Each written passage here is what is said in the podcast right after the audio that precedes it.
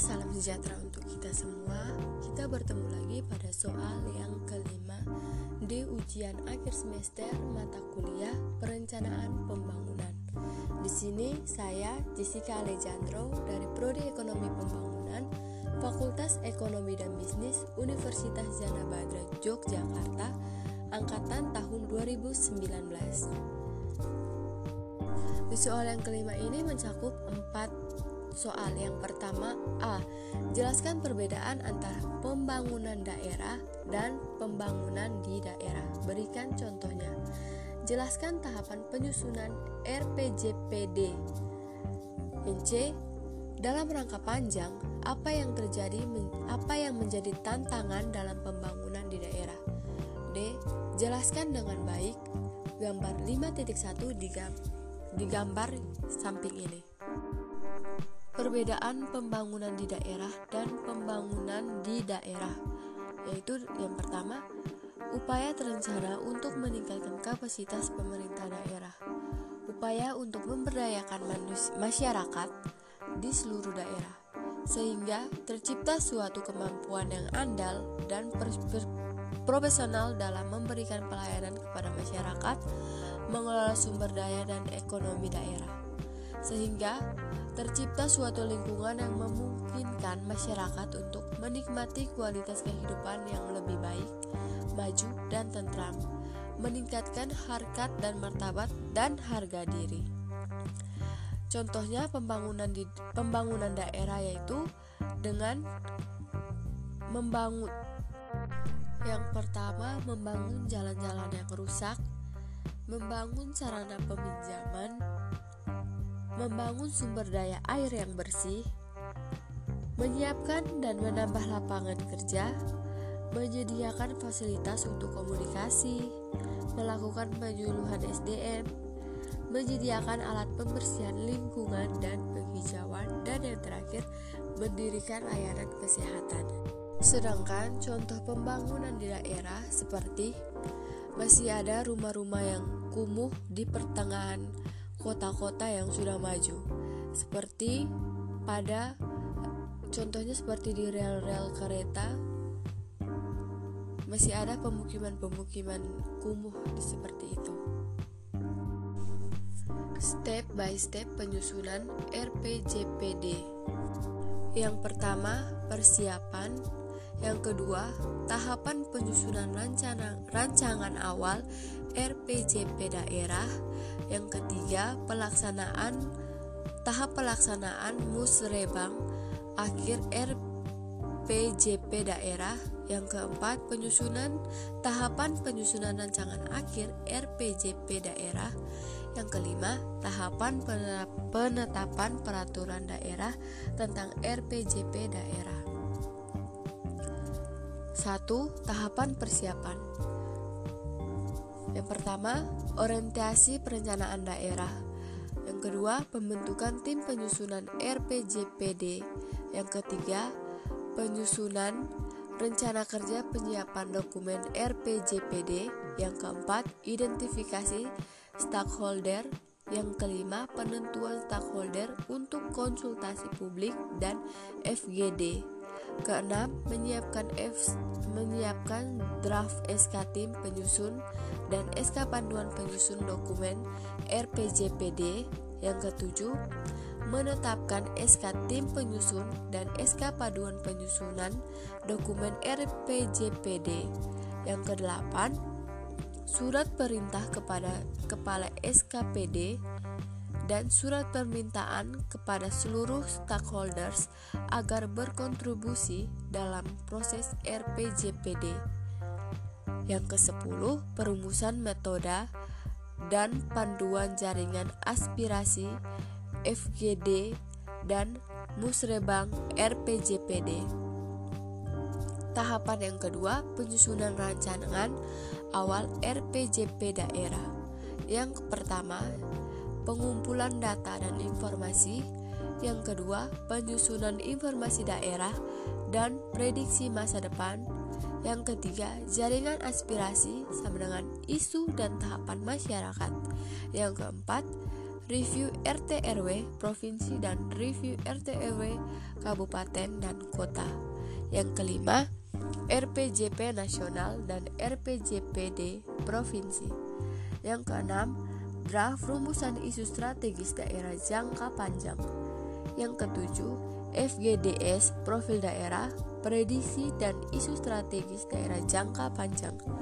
Yang kedelapan, menetapkan isu strategis dan draft visi misi.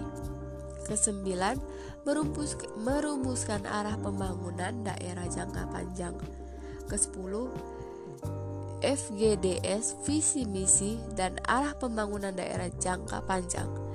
Kesebelas, formulasi dokumen rancangan RPJPD.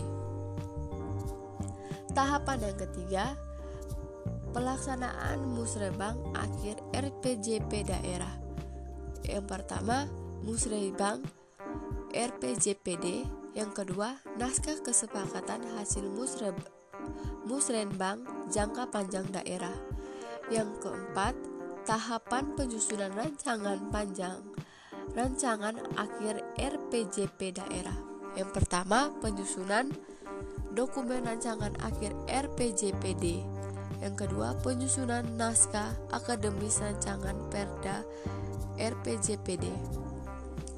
Yang kelima, tahapan penetapan peraturan daerah tentang RPJP daerah. Menyampaikan naskah Perda RPJPD serta melampirkan kepada Bupati C Bapeda Kabupaten. Konsultasi dan diskusi dengan lampirannya kepada Bupati Ceki Bapeda Kabupaten penyampaian naskah perda RPJPD serta lampirannya kepada RPRD. Dan berikutnya pembahasan DPRD tentang Ranperda RPJPD. Berikutnya penetapan Ranperda menjadi Perda.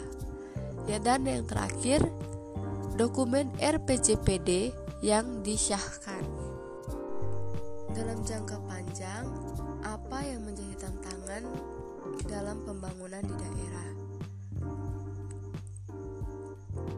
Yang pertama, ke mana daerah akan diarahkan perkembangannya dan apa yang hendak dicapai dalam 20 tahun mendatang. Yang kedua, bagaimana pencapaiannya dan yang ketiga, langkah-langkah strategis apa yang perlu dilakukan agar tujuannya tercapai. Sistem Perencanaan Pembangunan Nasional pada Undang-Undang Nomor 25 Tahun 2004 tentang Sistem Perencanaan Pembangunan Nasional atau SPPN dijelaskan beberapa definisi sebagai berikut. Perencanaan adalah suatu proses untuk menentukan tindakan pada masa depan yang tepat melalui urutan pilihan dengan memperhitungkan sumber daya yang tersedia. Yang kedua, pembangunan nasional adalah upaya yang dilaksanakan oleh semua komponen bangsa dalam rangka pencapaian tujuan bernegara.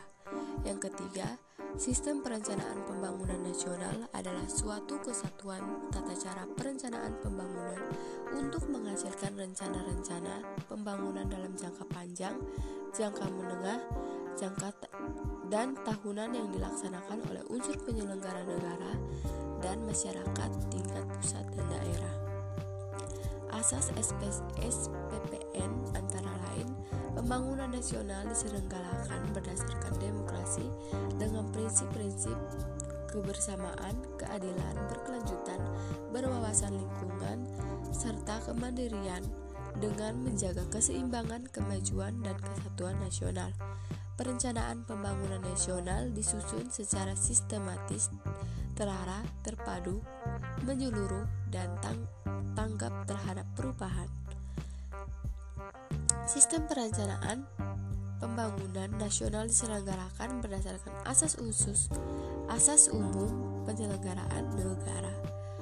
Tujuan SPPN antara lain mendukung koordinasi antara pelaku pembangunan, menjamin pencapaiannya integrasi, sinkronisasi, dan sinergi baik di antar daerah, antar uang, antar waktu, antar fungsi pemerintah maupun antar pusat dan daerah, menjamin, menjamin keterkaitan dan konsentrasi antara perencanaan, penganggaran, pelaksanaan, dan pengawasan, mengoptimalkan partisipasi masyarakat, dan menjamin pencapaian penggunaan sumber daya secara efisien, efektif, berkeadilan, dan berkelanjutan. Ruang lingkup SPPN antara lain yaitu perencanaan pembangunan nasional mencakup penyelenggaraan makro semua fungsi pemerintahan yang meliputi semua bidang kehidupan secara terpadu dalam wilayah Republik Indonesia. Perencanaan pembangunan nasional terdiri atas perencanaan pembangunan yang disusun oleh terpadu secara terpadu oleh kementerian atau lembaga perencanaan pembangunan oleh pemerintah pemerintah daerah sesuai dengan kewenangannya. Nol perencanaan jangka panjang, nol perencanaan jangka menengah, nol perencanaan jangka tahunan. Sekian dari saya. Sampai bertemu di soal yang berikutnya.